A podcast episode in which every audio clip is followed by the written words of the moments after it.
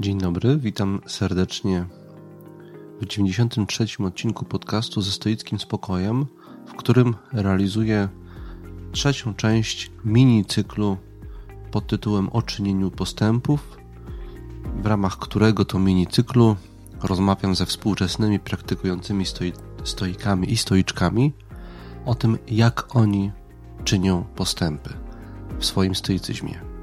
Zapraszam do wysłuchania kolejnego, ostatniego odcinka z tego cyklu.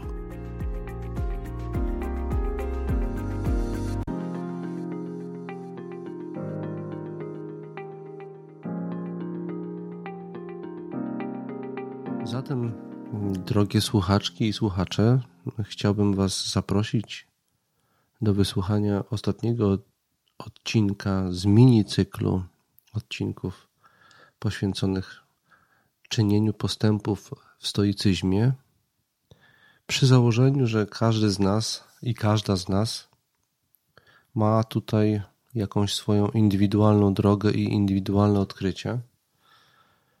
Mm, chciałem Was zaprosić do trzeciej rozmowy zatytułowanej przeze mnie Roboczą Mrzawka.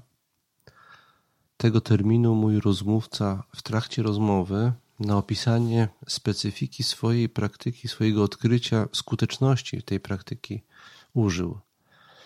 Stąd przyszła mi do głowy ta nazwa właśnie. Zanim odtworzę tą rozmowę, chciałem podzielić się z Wami jeszcze jedną rzeczą z takich ostatnich moich odkryć. Zwierzałem się tutaj już Wam i ci, co słuchają tych moich nagrań od dłuższego czasu, znają to moje rozwiązanie czy mój system z tego, że w nietypowy sposób słucham muzyki. Mam swój system słuchania muzyki, wymagający ode mnie tego, że słucham wybrany album muzyczny przeze mnie przez dłuższy okres czasu, to jest 10 odsłuchań i to bez względu na to, czy dany album przy pierwszym odsłuchaniu mi się spodobał, czy nie.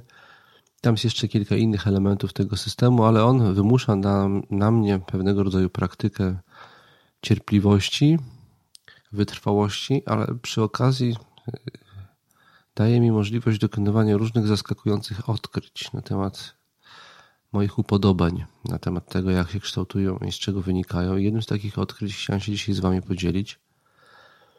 W ramach mojego systemu sięgam czasami do zespołów czy wykonawców i odsłuchuję kilka, kilkanaście najważniejszych albumów danych wykonawcy, wykonawców na przestrzeni tam roku czy dwóch.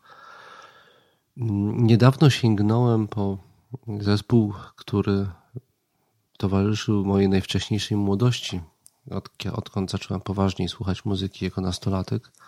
Pierwszą moją taką wielką fascynacją muzyczną był zespół Deep Purple – nie wiem, czy się z tego akurat już tutaj zwierzałem. Dopiero później przyszły inne, bardziej trwałe moje miłości muzyczne w postaci Franka Zappy, Toma Waitsa i Davida Bowiego, ale na początku to było, to był przede wszystkim i przez wiele lat, może nie przez tak wiele, ale przez kilka lat zespół Deep Purple. Ja czasami do tego zespołu wracam i odsłuchuję sobie któreś moje ulubione płyty. Niedawno postanowiłem wrócić do niego w nietypowy sposób. Po pierwsze, odsłuchałem kilka bardziej współczesnych płyt koncertowych tego zespołu, a także e, najnowsze płyty studyjne. One nie są oczywiście tak dobre jak te stare płyty mm, z przełomu lat 60. i 70. ubiegłego stulecia, ale E, wciąż przyjemnie się tego słucha, zwłaszcza jeżeli ktoś jest fanem i zawsze jakieś tam smaczki można dla siebie znaleźć. Mm, postanowiłem na koniec tej mojej odświeżonej przygody z zespołem Deep Purple sięgnąć po starszy album mm, koncertowy z roku 1974 pod tytułem California Jamming. Jest to album, który w którym Deep Purple nie występuje w klasycznym składzie. Zamiast Iena Gillana tam występuje David Coverdale. On przez trzy lata bodajże współpracował z zespołem Deep Purple. Nagrali dwa czy trzy albumy. Później David Coverdale odszedł i e, występował w zespole Whitesnake. Z tego jest głównie znany. E, natomiast na basie zamiast Rogera Glovera występuje tutaj Glenn Hughes, który gra na basie i także przejął część partii wokalnych. Ja znałem ten, ten album wcześniej, ale w nietypowy sposób. Otóż w tej mojej zamierzchłej młodości, o której tutaj już wspomniałem, szukałem różnych płyt nagrań zespołu Deep Purple, żeby wzbogacić swoje doświadczenie i wiedzę o tym zespole. W tamtych czasach nie było to takie łatwe jak dzisiaj. Dzisiaj włącza się Spotify czy jakąś inną platformę i właściwie ma się dostęp prawie do wszystkiego. Wtedy trzeba było szukać, chodzić. Mówię o latach 80. Ja wtedy słuchałem zespołu Deep Purple. W drugiej połowie lat 80. zacząłem ich słuchać. Zdarzyło się, że gdzieś w jakimś sklepie albo straganie, bo tam też można było kupować płyty na kasetach, e, na straganach, udało mi się nabyć na kasecie VHS mm, wideo nagranie koncertu z 1974 roku. Mm, byłem tym podekscytowany bardzo. To była rzadkość. Mm, I to nagranie kupiłem i oglądałem, mimo że nie bardzo mi się podobała. Podobał skład. Ja byłem wtedy fanem najbardziej klasycznego składu zespołu Deep Purple, właśnie z Gilanem, Gloverem, Blackmurem, Lordem i, i Janem Pisem. Ten, ten, ten skład zagrał dwa lata wcześniej, czyli w 1972 roku klasyczny koncert, jeden chyba z najwspanialszych koncertów w historii rocka Made in Japan. Nie można przestać tego słuchać właściwie. To jest płyta, która się nie może znudzić w moim odczuciu. Ale ponieważ nie miałem dostępu nagrania wideo ze z, y, albumu Made in Japan, więc kupiłem sobie ten album California Jamming i tym, co mnie wtedy nużyło, kiedy oglądałem i irytowało, irytowało, kiedy oglądałem ten album przed ponad 30 laty, mm, to była maniera Glena Hughesa, który nieudolnie moim zdaniem wtedy naśladował Iana Gillana w swoich e, ekwilibrystykach wokalnych. Tak wył trochę do tego mikrofonu. E, grając na basie. Wydawało mi się to śmieszne i trochę absurdalne i irytowało, kiedy e, słuchałem koncertu, kiedy oglądałem tego, ten koncert. Ale jakoś się do tego przyzwyczaiłem i e, różne smaczki z tego koncertu i tak sobie wtedy wziąłem i to co jakiś czas go oglądałem. W szczególności hipnotyczne wykonanie tam jest z utworu Mistreated. Oni rzadko go grali na koncertach i faktycznie on się cały czas broni, to wykonanie. W każdym razie, teraz przechodzę do puenty tej trochę przydługiej być może historii. Sięgnąłem teraz po ten album California Jamming trochę przez sentyment, bo chciałem zamknąć pewien cykl słuchania Deep Purple po latach. Więc pomyślałem, zastanowiłem się, jak dzisiaj mi się będzie słuchało tego albumu mimo że nie miałem dobrej opinii o nim. E, I muszę powiedzieć, że ja go po kilku przesłuchaniach bardzo polubiłem. Z wielką przyjemnością zacząłem go słuchać. E, I w ogóle mnie nie drażnią e, wyczyny Glena Hughesa, wokalne wyczyny Glena Hughesa w tym albumie. Wręcz mm, słucham ich z, z wielką przyjemnością. I mam poczucie, że. A może jeszcze o jednej rzeczy powiem. Jak słucham, to ja widzę te sceny też z tamtego koncertu, mimo że przez 30 lat y, ich nie widziałem. I mam wrażenie, że to, że jak wtedy go oglądałem, plus ten sentyment do Deep Purple sprawił, że ja z taką przyjemnością go teraz słucham.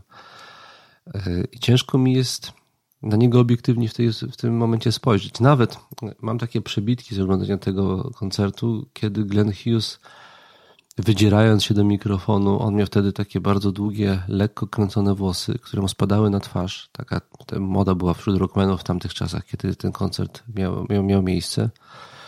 I one mu trochę przeszkadzały, kiedy śpiewał i kiedy tak głośniej śpiewał i przy okazji oddychał śpiewając, to jego podmuchy powietrza wydobywające się z jego ust, podczas śpiewania rozwiewały te włosy. I to tak bardzo malowniczo e, i melancholijnie wyglądało.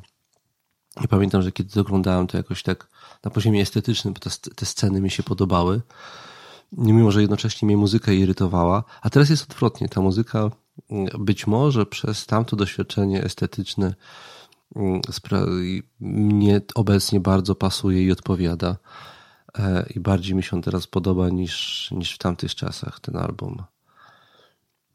Z tym się doświadczeniem chciałem podzielić. Więcej na temat problemu lubienia opowiem, bo mam jeszcze inne przemyślenia na ten temat.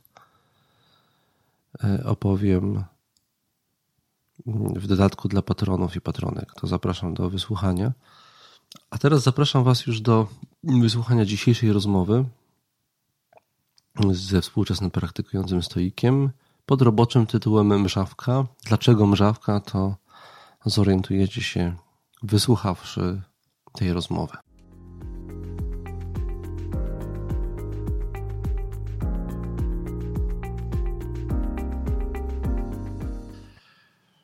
To ja w moim prowizorycznym studio wyjazdowym stoickim witam kolejnego gościa, kolejnego uczestnika warsztatów stoickich. Jest to Szymon.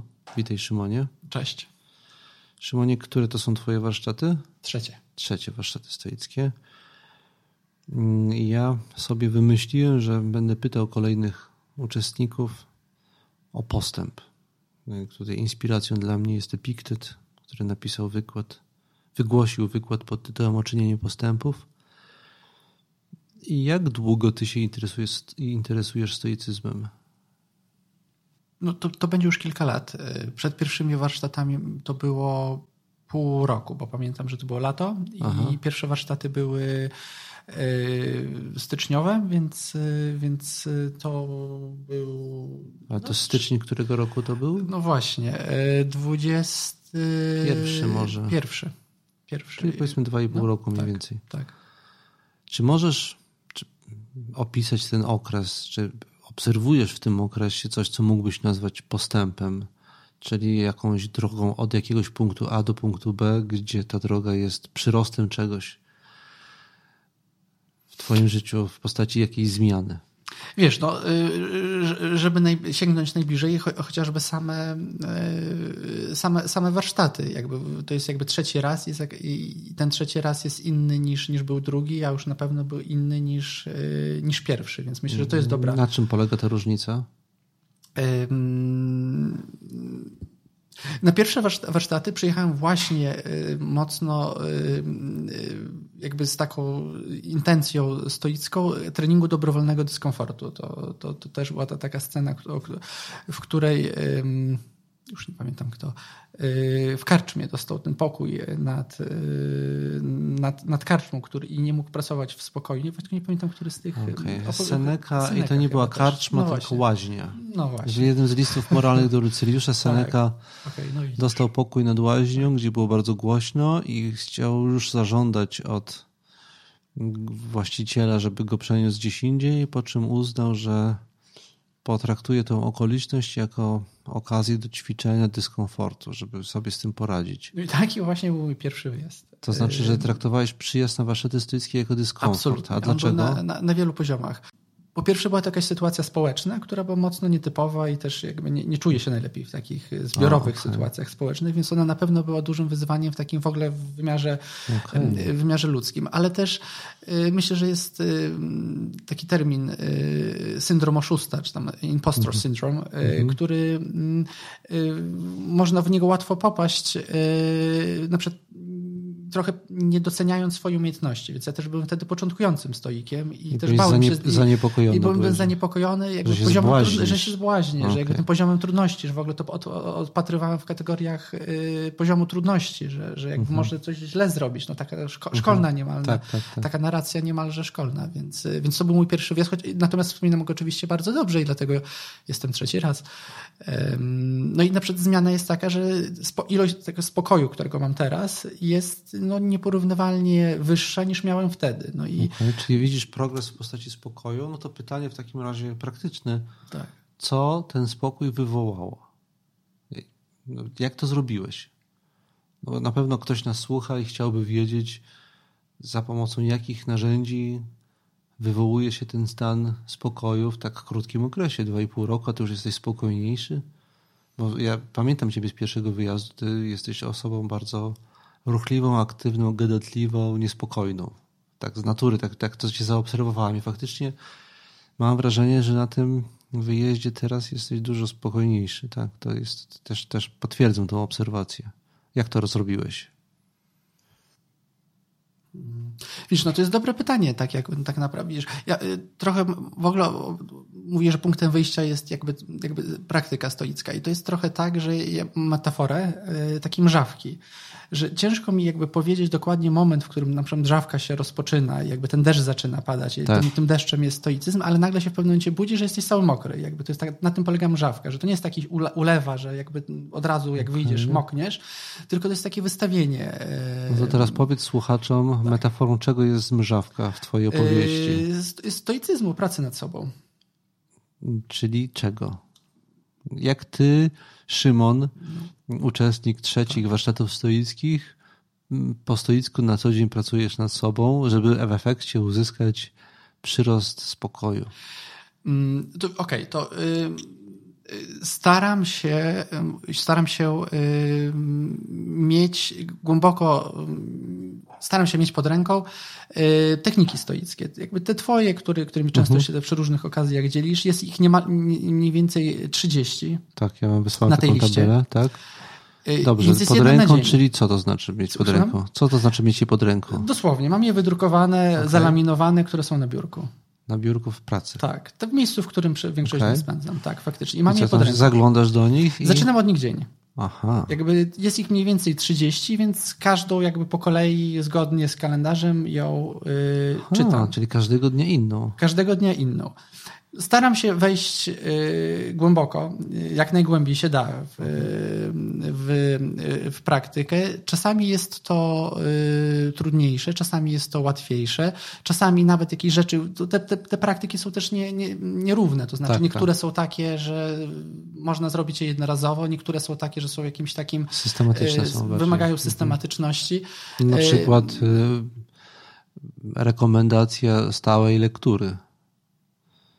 Tam jest jako jedno z tych narzędzi codziennej praktyki stoickiej no jest lektura. Tak, i na przykład kiedy coś takiego widzę, staram się na przykład pójść po jakby tekst, który nie mam tej stałej praktyki, chciałbym hmm. mieć, e, nie mam, natomiast kiedy się zdarzy mi to... Yy, na to natrafisz, to idziesz coś poczytać. Tak, idę coś poczytać. To samo na przykład dotyczy przeglądu siebie. Nie potrafię się jeszcze zmobilizować. Żeby Bardzo codziennie to robić. Żeby robić to codziennie.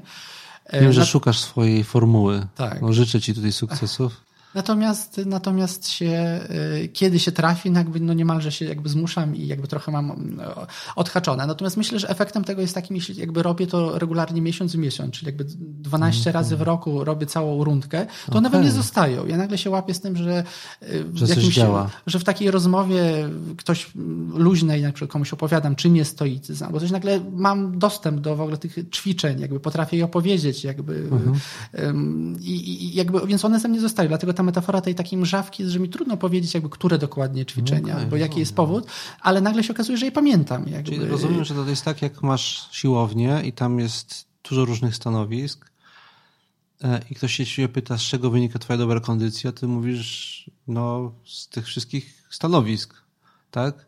Że robię je codziennie rutynowo po kolei i z tego razem efekt jest właśnie taki, że mam lepszą kondycję, a w przypadku twoim ona się przejawia większym spokojem, tak?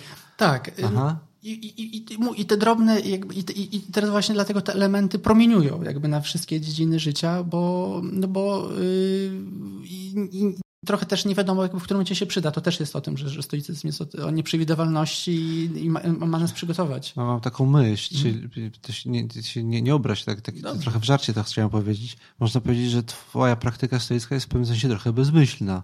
W sensie takim, że automatyzm sobie taki włączasz, bezrefleksyjny, e, przerabiania refleksyjnych stoickich ćwiczeń i w efekcie czego podnosi się średni poziom refleksyjności na co dzień. No tak, myślę, że można to zrekapitulować. Ciekawe sposób. to jest. Nie, nie spodziewałem się, że tak, to dobrze, że to dopytałem, bo to nie spodziewałem się, że u ciebie tak to wygląda. E, a czy masz z tych ćwiczeń jakieś ulubione, do których lubisz najbardziej sięgać i sobie je robić rano? Jak już na nie trafisz, mówisz, o, to jest fajne ćwiczenie, lubię je, zrobię je sobie dzisiaj chętnie. Tak, uwielbiam trzy dyscypliny, które są obok, blisko siebie. To jest jakby mówienia, słuchania i jakby tam czytania okay. też jest. Natomiast szczególnie mówienia i słuchania to też jest, jakby pracuję dużo z ludźmi i też jakby mhm. widzę w ogóle jak, y, jak fundamentalną jest y, jakby dyscyplina y, na przykład słuchania, jakby z uwagą, ale też takiego właśnie bycia z odbiorcą tu i teraz. Jakby to, mhm. to, to też jest, podnosi w ogóle jakość, ale to, to, to przede wszystkim na polu pracowym, ale też jakby związkowym także jakby to podnosi, jakby bycie tu i teraz tak całym sobą, mhm. Chociażby w słuchaniu jest czymś tak banalnym, a jednocześnie niesamowicie odkrywczym, więc... Czyli ja rozumiem, że rano czytasz tą technikę, sobie przypominasz i przez cały dzień próbujesz ją stosować. tak bardzo, bardzo świadomie. Natomiast ona mhm. ze mną zostaje, jakby właśnie no teraz tak. o niej mówisz, to jakby przypominam to sobie w różnych sytuacjach społecznych, w których mhm. następuje rozmowa, więc jakby pamiętam o niej wtedy w tle. Natomiast faktycznie tego dnia jakby celebruję, nie? że to jest ten... Dzisiaj podczas warsztatów był taki moment, że złapałem ciebie na tym, że tak się uważnie wpatrujesz i przysłuchujesz. Tak, więc... Yy, tak, był, więc... był ten moment, tak, faktycznie. Myślę, że y, dużo dzisiaj rozmawialiśmy o hierarchii wartości. To też jest na przykład rzecz, które to jakby i w momencie, kiedy następuje ten miesiąc, ja patrzę na swoją hierarchię wartości. Nie mam też znowu tego nawyku robić tego codziennie, natomiast raz w miesiącu mi się to zdarza. Zdarza mi się przepisać, dodać coś nowego, zmienić miejsce. Y, I, I, jakby po powtórzeniu tego 12 razy w ciągu roku, y, no bo mhm. Faktycznie ta, udaje mi się to Yy, sukcesywnie realizować, jakby ona jest we mnie, czyli jakby nie mhm. muszę się tak znowu do niej, jakby jest dostępna, kiedy potrzebuję jej. Hmm. Yy, więc to jest też jakby niesamowicie porządkująca i oczywiście szeroka cała kategoria jakie ma konsekwencje hierarchia wartości. Dzisiaj o tym rozmawialiśmy dużo i można jeszcze więcej. E, natomiast jest, jakby jest jakimś elementem ćwiczenia i też często go e, realizuję. Jest perspektywa kosmiczna, też jest e, ćwiczeniem, które na przykład dla mnie jest bardzo trudne i jakby dlatego tym bardziej lubię je robić, bo zauważam, że mój umysł jakby bardzo szybko chce ją skończyć. Jeśli mm. powiemy, że te, ten, jakby, okay. że w tym ćwiczeniu jest jakiś, jeśli przełożymy to na język filmu, to ta perspektywa kosmiczna jest kamerą, która się oddala. Tak, jakby taka najprostsza. Ty od razu skaczesz A ja bym od razu już był w kosmosie. I jakby taki moment w ryzach utrzymania mojej wyobraźni, żeby faktycznie tak jak na, e, żeby utrzymać tą kamerę w takim powolnym ruchu, jest niesamowicie, niesamowitym wyzwaniem. Się cały czas łapię, że muszę cały czas jakby tak maksymalnie być skupionym, żeby utrzymać w ogóle się w ryzach jakby tej, już pomijam nawet całą tą perspektywę kosmologiczną i że my jesteśmy mhm. tam pyłkiem i tak dalej, i tak dalej, to właśnie niesamowicie Yy, dla mnie takim treningo, treningiem jest jakby ta dyscyplina utrzymania tej kamery, że, że tak powiem. Mam, mam, teraz, mam nietypowe pytanie teraz dla, dla, przygotowałem sobie. Bo jest to coś, co mnie ostatnio nurtuje i mam nawet w planie poświęcenie odcinka podcastu temu, bo mam pytanie o to od słuchaczy i jedno z takich pytań bezpośrednio tego tematu dotyczy. Chodzi o przekonania, o światopogląd. Czy ty zaobserwowałeś, że w efekcie praktyki stoickiej zmienia się twój światopogląd? Czy w ogóle poddawałeś ten obszar swojego życia badaniu? Y, a jak, jak w tym pytaniu w ogóle, czy należałoby rozumieć światopogląd? E, etymologicznie na przykład to jest e, słowo światopogląd jest e, kalką w języku polskim z niemieckiego Weltanschauung, czyli taki pogląd, jaki mamy na świat. To jest zbiór naszych przekonań na temat tego, jaki jest świat, kim jesteśmy my w tym świecie, co do nas należy, co nam się należy od tego świata, jakie cele warto realizować, a jakie nie warto, co powinniśmy robić dla ludzi, a czego nie musimy robić dla ludzi. Cały szereg odpowiedzi na takie najbardziej fundamentalne pytania, które porządkują nam nie tylko to, co wiemy, ale także to, co robimy. Każdy to ma, mm, każdy człowiek to ma, tylko że większość ludzi nie ma tego na poziomie świadomym. E, I czy ta praktyka stoicka sprawia, że to poddajesz badaniu, refleksji, coś się w tym obszarze zmienia? Ciekaw jestem tego. Wiesz, jakby mogę wrócić być może do pierwszego pytania, czyli trochę powiedzieć o spokoju, o którym y, mhm. mówiłem i myślę, że y, w takim z, z, tym mógłbym powiązać pewną, myślę, zmianę, która nastąpiła, bo jakby nie mając tego spokoju, to jest to takie gwałtowne. Jakby. Mhm. I to są takie gwałtowne, nie chcę powiedzieć, że światopogląd może być gwałtowny, ale taka moja rola w nim, że to jest takie, że jestem, używałbym słów y, bardzo takich y, dynamicznych, że to jest wyrywanie, należy się, trzeba. Y, zdobyć. Zdobyć. To jest taka właśnie, na przykład zauważyłem, że kiedyś dużo miałem metafor wojennych, jakby pracuję w takiej branży, że Kiedyś się komunikowałeś z, z ludźmi. Tak, że to jakby, że walczymy, że trzeba obronić. Okay jakby na jednym froncie, linia, tak naprawdę takie mhm. metafory jakby Czyli batalistyczne nie, metafory. Takie batalistyczne i to właśnie mhm. jednak odzwierciedla, jakby jestem... Czyli to właśnie... rozumiem, że to odzwierciedlało twoje wyobrażenie twojej roli w świecie, że ty jesteś kimś w rodzaju wojownika czy łowcy. Myślę, że to było takie gwałtowne. Który o coś walczy z kimś. I że tak widziałeś swoje miejsce w świecie. I ono wyglądało jakoś z twojego światopoglądu i rozumiem, że zmiana tej postaci spokoju, ona też musiała w takim razie naruszyć ten światopogląd, nawet jeżeli nie masz pewności gdzie i w czym. Jakich teraz metafor używasz? No właśnie, yy, wiesz, czy, czy, czy, ja właśnie używam teraz metafor? Yy, na pewno nie używam tych wojennych i nawet -huh. jak mhm. właśnie takie, nie wiem, piszę wiadomość, piszę maila yy, i właśnie czasami jakoś taki, w ogóle się pojawia takie słowo, to no, że dla mnie jest obce, nie? Jakby w ogóle je usuwam i jakby szukam jakby określenia neutralniejszego, jakby. Okay. I, i, i na pewno masz jest... opór przed używaniem takich, tak, takich... Jakby, metafor. No. Czemu? Jak myślisz, masz taki opór? Wiesz, no właśnie to wynika mi z... No bo przecież można być spokojnym mhm. Y, wojownikiem. Zresztą to jest jeden z modelów myślenia w stoicyzmie, że jesteś wojownikiem, podbijasz, ale ze spokojem.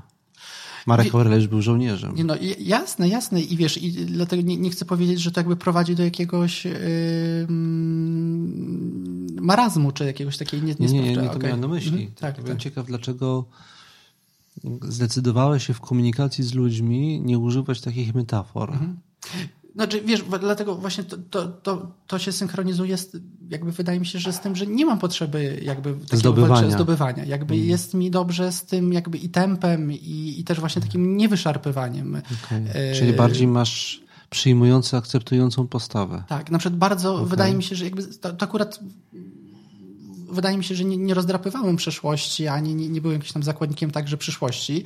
E, przyszłości to nigdy nie byłem, ale wydaje mi się, że ta przeszłość e, bardzo mi towarzyszyła jakoś tak mocno, tak była taką e, właśnie, że taki jestem i że tak jakby że tak było, tak być. muszę. Mhm. I na przykład wydaje mi się, że bardzo z przeszłością zerwałam. To też trochę, okay. trochę odpowiadając na pytanie o... Przestała o, cię o, o, ona jakoś określać twoja tak, przeszłość. Tak, właśnie jakby mhm. mam takie poczucie, że często mi się zdarza właśnie być jakby w, w konkretnej chwili i to faktycznie takie już carpe diem odmieniane na, na, na, na wiele podstaw. Wydaje mi się, że udało mi się poczuć tak też w tym czasie na przykład. Takim mhm. faktycznie takiego czerpania z teraźniejszości bez, bez, bez jakichś obciążeń przeszłości, w ogóle nie myślenia o przyszłości, ale jednocześnie właśnie takim świadomym, ukierunkowanym i, przy, i czerpania z tego przyjemności y, jest składową tego spokoju, który tak A, a wiesz, no. z jakiej tradycji filozoficznej wywodzi się sformułowanie carpe diem? No. Epikurejski. Z epikurejski. A nie tak. stoicki, tak. więc może ty jesteś epikurejczykiem bardziej teraz niż stoikiem. Może ja niechcący zrobiłem z ciebie epikurejczyka. Podpuszczam cię, słyszę, ja słyszę mam odpowiedź, tak, odpowiedź na to pytanie. Tak, tak. ciekaw, czy, czy, się zastanawiałeś nad tym, bo istotą carpe diem w, w epikureizmie tak. jest nastawienie na czerpanie przyjemności z chwili. A w stoicyzmie nie bardzo chodzi o przyjemność samą w sobie. Ona może towarzyszyć nam, ale jako skutek uboczny tego, co robimy innego. Dlatego pomyślałem, że spytam się ciebie że, że o to, co ty czerpiesz z tej chwili hmm. właściwie. Jeżeli chwytasz tą chwilę, zgodnie z hasłem Carpe Diem, to właściwie co chwytasz z niej? okay, no właśnie. Yy, yy, Okej, okay, to myślę, że jakby prowokacja była słuszna, natomiast nie, nie, miałem chyba tutaj, nie, no na pewno nie miałem e, e, epikurejskiej intencji. Jakby dla mnie ona jest y, jakby twardym stąpaniem jakby w danej chwili i myślę, że takim zupełnie świadomym poruszaniu się w, chwili obecnej. I jakby, więc jakby być może ten rykoszet, o którym mówiłeś, że to jest taki efekt uboczny tego, jest mhm. jakby, to, to, nie chodzi faktycznie, że jakby, jakby czerpie z tego faktycznie to nie chodzi o czerpanie przyjemności, raczej moim chodzi, że takie rozsmakowanie się, znaczy rozsmakowanie się też jest no, blisko widzisz, przyjemności. Nie da się tak? uniknąć satysfakcji e... zmysłowej jakiejś, widzę. Mm... A, a, Boże... Nie, to jednak spokoju, to wiesz, to jednak właśnie, wydaje mi się, że, że właśnie takie mm, o, na przykład, okej, okay, to powiązał w takim razie z, jakby trochę też z aktywnym słuchaniem, o którym mówiliśmy, czyli mhm. byciu obecnym, jakby byciu w danej roli na przykład. Okay. O, to jest jakby Bardzo trochę dobrze, w tym. Czyli to jest no, tak, że... Zdałeś egzamin. ja może powiem ci, jak ja to tak, myślę, tak, jak ja o tym tak, myślę, no. a ty powiesz, czy to jest, pokrywa się z tym, hmm. jak ty tego doświadczasz. Bo moim zdaniem Carpe Diem w pewnej postaci występuje także w stoicyzmie, ale ono polega właśnie na byciu świadomym czego innego niż w epikureizmie. W epikureizmie chodzi o takie nienapięte czerpanie z przyjemności, z przepływającej chwili, z nieoczekującego, niepragnącego uczestnictwa w przyjemnościach życia. Natomiast y, w stoicyzmie chodzi o to dokładnie, co ty powiedziałeś, o odnalezieniu się w swojej roli, skupieniu się tylko na tej roli i staraniu się y, na Y, staraniu się, żeby ją odegrać jak najlepiej, przez świadomością wszystkich elementów, czyli na przykład moich celów w tej roli, tego, czemu służy ta rozmowa, w kontekście tej roli, skupieniu się na tych celach i użyję takiego trudnego słowa, które mi w tym kontekście bardzo pasuje, optymalnej alokacji swoich zasobów. Czyli ty masz świadomość tego, czym dysponujesz, jakie jest twoje zadanie i trochę cieszysz się używaniem swojej mocy. Ja to tak widzę, że masz pełną świadomość, tak trochę jak taki bardzo kompetentny mówca, e, który stoi przed publicznością i cieszy się z, z satysfakcję daje mu ta kompetencja, że on czerpie ze swoich zasobów, że używa w odpowiednim momencie odpowiedniego cytatu, e, powołuje się na odpowiednie źródło, że w odpowiednim momencie robi jakieś zawieszenie głosu dramatyczne, żeby wywołać odpowiedni efekt i widzi, że ten efekt faktycznie udało mu się wywołać, czyli zarządza procesem. To panowanie nad procesem, to obecność w tym procesie sprawia mu tą satysfakcję. Wydaje mi się, że o tego rodzaju bycie tu i teraz chodzi w stoicyzmie. Nie wiem, czy coś takiego zaobserwowałeś? E, no to, to, była moja intencja, jakby, także dzięki za, za, za to naprowadzenie, to było, to było tą intencją. E, I to też ciekawym, ciekawego nauczyciela, myślę, miałem, bo to powiedzmy też mój stoicyzm zbiegł się z zostaniem e, e, ojcem i też odkryłem, że najłatwiej mi było zacząć jakby być tu, takie, i tu i teraz i też tak się być mocno w roli w zabawie jakby z dzieckiem. Jakby to było takie pierwsze, kiedy miałem mhm. taki przebłysk tej takiej świadomości, że, że jakby sprawia mi przyjemność wypełnianie tej roli, tak jakby całkowicie w formie zabawy i to mhm. jakby na takim, e, na takim poziomie. I to było pierwszym, tak, jak myślę, takim przebłyskiem e, tej takiej satysfakcji płynącej jakby z wypełniania tej roli i ona zaczęła się rozlewać na, na, na inne elementy. E, nie właśnie w pracy mm, mm, często są elementy, które na przykład nas jakby są jakimś takim elementem, do którym można narzekać. Ludzie lubią narzekać w pracy, że znowu jest to, znowu jest tamto, a jakby ja potrafię wejść, że to jest element tej pracy i nawet te takie elementy powszechnie krytykowane, jakby udawało mi się realizować tak zupełnie bez znużenia, mhm. a nawet z pełną satysfakcją. Czyli masz y, dłuższy dostęp do energii swojej? Y, Intensywniejszy. Myślę, że też. Myślę, że, mhm. ale też myślę, że to powoduje właśnie takie odpychanie takich my, myśli przeciwnych, że mhm. Y, y, to już pewnie jakimś takim gruncie bardziej psychologicznym mówię pewne rzeczy, ale na przykład stres, który się pojawia wokół pracy, że coś, właśnie zacząłem zauważyć, że ten, y, zaczął mi być coraz bardziej, nie stresowałem się jakoś bardzo, ale czułem jakiś taki mhm. poziom stresu, a, a nagle zaczęło to też dla mnie być obce, bo jakby w tej roli, w której byłem, nie było miejsca na ten stres. Czyli jakby ja tak, jakby wchodzi, ta okay. rola nie składała się, jakby nie było w niej miejsca składowej na, na stres. I nagle zacząłem, zacząłem zauważać, że on był coraz dalszy. I był coraz dalszy, no było go coraz mniej. Skupiałeś się na wykonywaniu roli, Absolutnie. nie myślałeś na, o, o, konsekwencjach i to ci sprawiało Absolutnie. satysfakcję. I to też nie myślałem mocno też o celu na przykład. To też jest tak, że, że, że jakby mam pracę taką bardzo zdobywającą, że, że jakby można coraz więcej, coraz więcej, coraz więcej. Jest to taki rodzaj pracy i na przykład właśnie skupienie się jakby w danej chwili powoduje, że trochę tak jak już znowu psychologiczna metoda małych kroczków, nie? To też jest trochę tak, że taka wejście na całą górę byłoby y, obezwładniającym uczuciem, bo to jest ogromna ilość pracy, czasu, szczęścia, którą trzeba mieć, żeby dotrzeć na ten szczyt. A, a faktycznie takie bycie tu i teraz pozwala mi widzieć następny krok, robić go z, jakby z, pełną, z pełnym zaangażowaniem a też jednocześnie takim zupełnie y, spokojem. No. A to przypomnij mi, ty w jakiej branży działasz?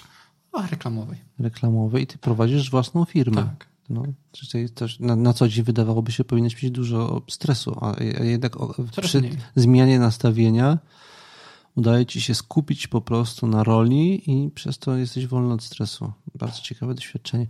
Ostatnie pytanie mam. Dzisiaj jeden z uczestników powiedział, że zaobserwował, że skutkiem ubocznym praktykowania stoicyzmu jest pewnego rodzaju wyobcowanie w pewnych sytuacjach, bo on jest w środowisku, w którym ludzie bardzo lubią narzekać, a on jak już zaczął stoikiem być, to przestał narzekać, bo nie przestał widzieć w tym sens i cel. Czy masz czasami takie doświadczenie, że to gdzieś cię wyautowuje z jakiejś sytuacji, że jakoś czujesz się dziwnie inaczej, jakoś nieadekwatny? Może mam, mam, trochę właśnie powiedziałeś, że, że jakby to jest moja firma po części, jakby jest nas, jest nas kilka osób, yy, w cztery osoby prowadzimy, jest nas czworo, natomiast podzielamy podobne zasady i generalnie na przykład miejsce pracy jest takim miejscem pracy, w którym my przede wszystkim dobrze się czujemy, więc na przykład bardzo dużo wkładamy wysiłku, żeby rekrutować ludzi, którzy podzielają nasze wartości, o odpowiedzialności za, za ten właśnie tworzenia konfliktu, konfliktów, rozwiązywania konfliktów zupełnie na innym poziomie, czyli nie mhm. przez eskalując je do, do, do menedżera. Więc wbrew pozorom paradoksalnie w pracy mam bardzo dużo zrozumienia, bo po prostu mhm. otaczamy się ludźmi, którymi... Stoikami? No właśnie nie, ale, ale jeszcze aż... Natomiast na, któreś, na którąś gwiazdkę w prezencie wszystkim pracownikom y, y, y, zasponsorowaliśmy książkę stoicką. Hmm.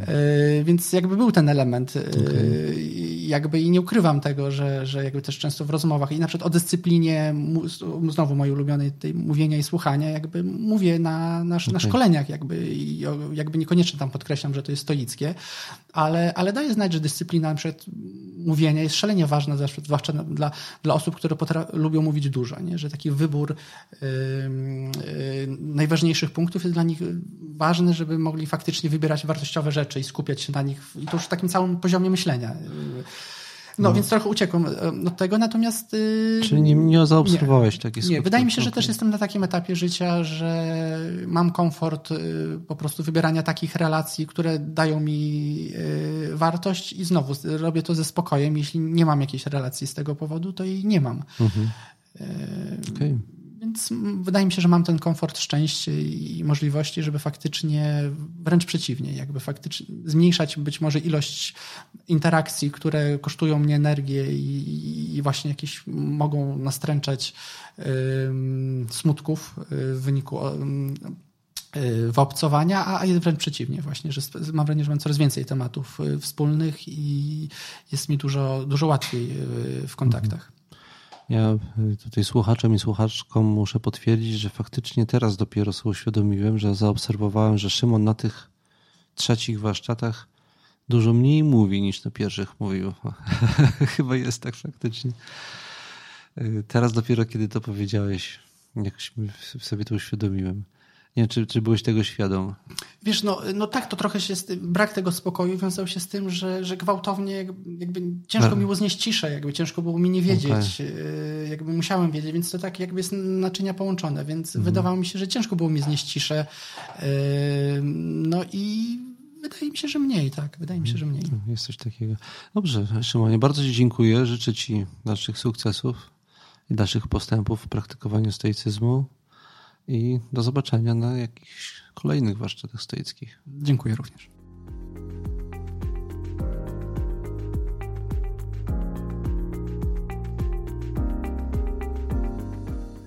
Mam nadzieję, że podobała Wam się moja rozmowa z Szymonem. Ja go tak trochę y, dociskałem podczas tej rozmowy, żeby wydobyć to, co wydawało mi się, że tam jest y, dla mnie najbardziej interesujące.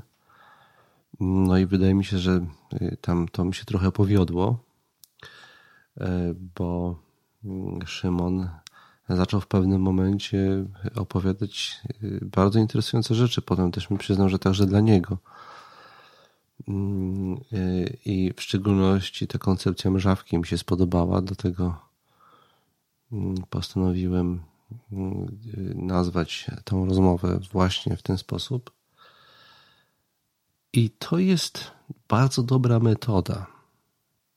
Wszystkim Wam ją rekomenduję trochę mi przypomina koncepcję Pascala, e, Blaisa Pascala, który mówił o istocie doświadczenia religijnego. W myślach Pascal opowiada o tym, że wiara to nie jest coś, co my możemy intelektualnie wybrać. My powinniśmy przyjąć pewien system praktyk e, i je wykonywać. Dla niego wiara to jest bardziej zaryzykowanie, właśnie, zaufanie, że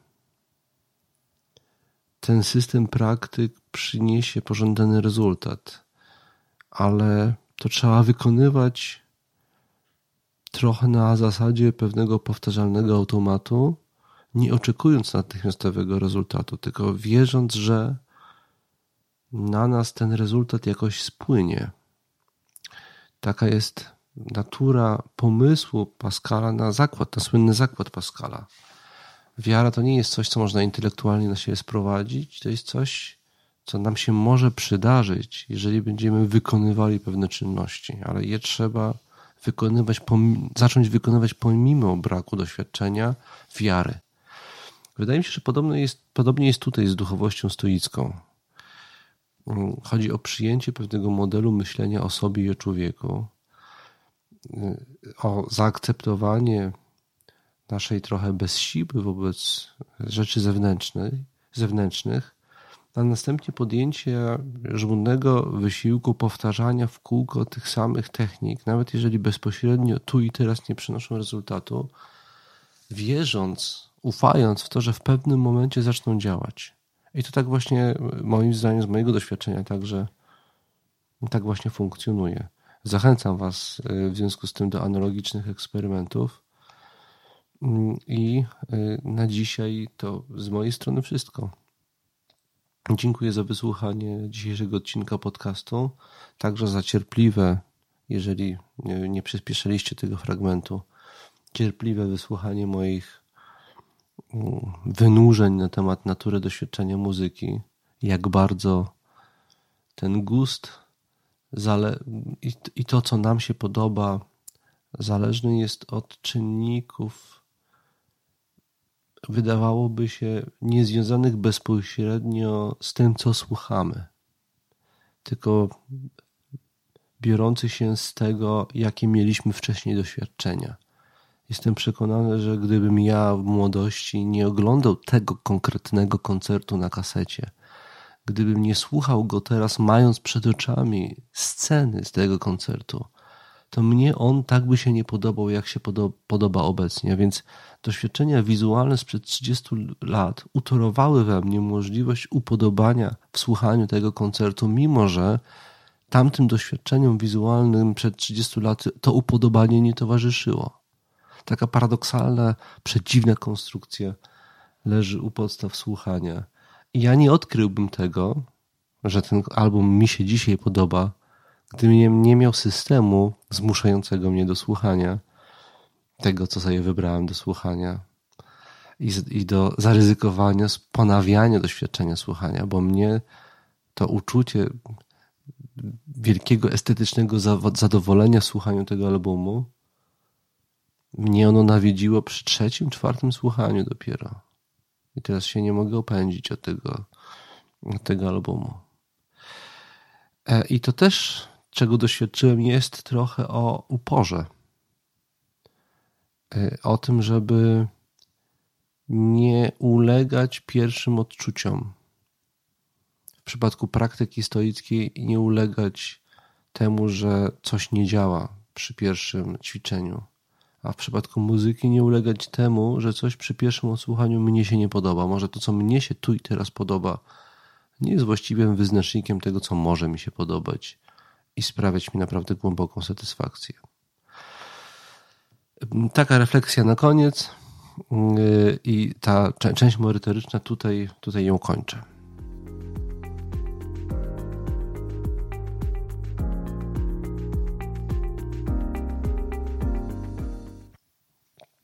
Przechodzę do podziękowań. Dziękuję, że jesteście ze mną, że słuchacie, że dzielicie się przemyśleniami i doświadczeniami w mailach. Dziękuję bardzo serdecznie za wsparcie na platformie Patronite. Dzięki temu wsparciu powstaje ten podcast. Najbardziej dziękuję oczywiście najbardziej hojnym patronom, którym obiecałem, że wymienię ich z imienia i nazwiska, chyba że zażyczyli sobie anonimowości. Więc teraz wymienię te, te postaci, te osoby. To jest pan Adrian Woźniak, Ludwik Sienica, Daniel Pieńkowski, Łukasz Mandzyw, Mandzyn, Zbigniew Celej, Asenata Szczęsny, Kuba Przybyła, Szedi Rezek, Iwona Jóźwińska, Bartosz Szarowar, jeden anonimowy, Darczyńca, Mateusz Olczyk, Wojciech Gryta, Jacek Mendyk, Justyna Metryka, Joanna Pantak, Piotr Skronik. Bardzo Wam dziękuję. Bardzo dziękuję, że w ten sposób jesteście ze mną e, i że w ten sposób pokazujecie, że to, co tutaj prezentuję e, od kilku już lat, jest dla Was ważne i Wam się przydaje. To daje mi motywację do tego, żeby dalej nagrywać te odcinki. Nawet jeśli też e, zapowiadam, że pewne modyfikacje planuję, dostałem już feedback na temat tych modyfikacji, co byście sobie życzyli, więc mm, też za ten feedback, za tą informację zwrotną bardzo dziękuję. Do usłyszenia w następnym odcinku podcastu, w którym będzie mowa o naturze czasu i, naszemu, i o naszym doświadczeniu czasu. Zapraszam i do usłyszenia.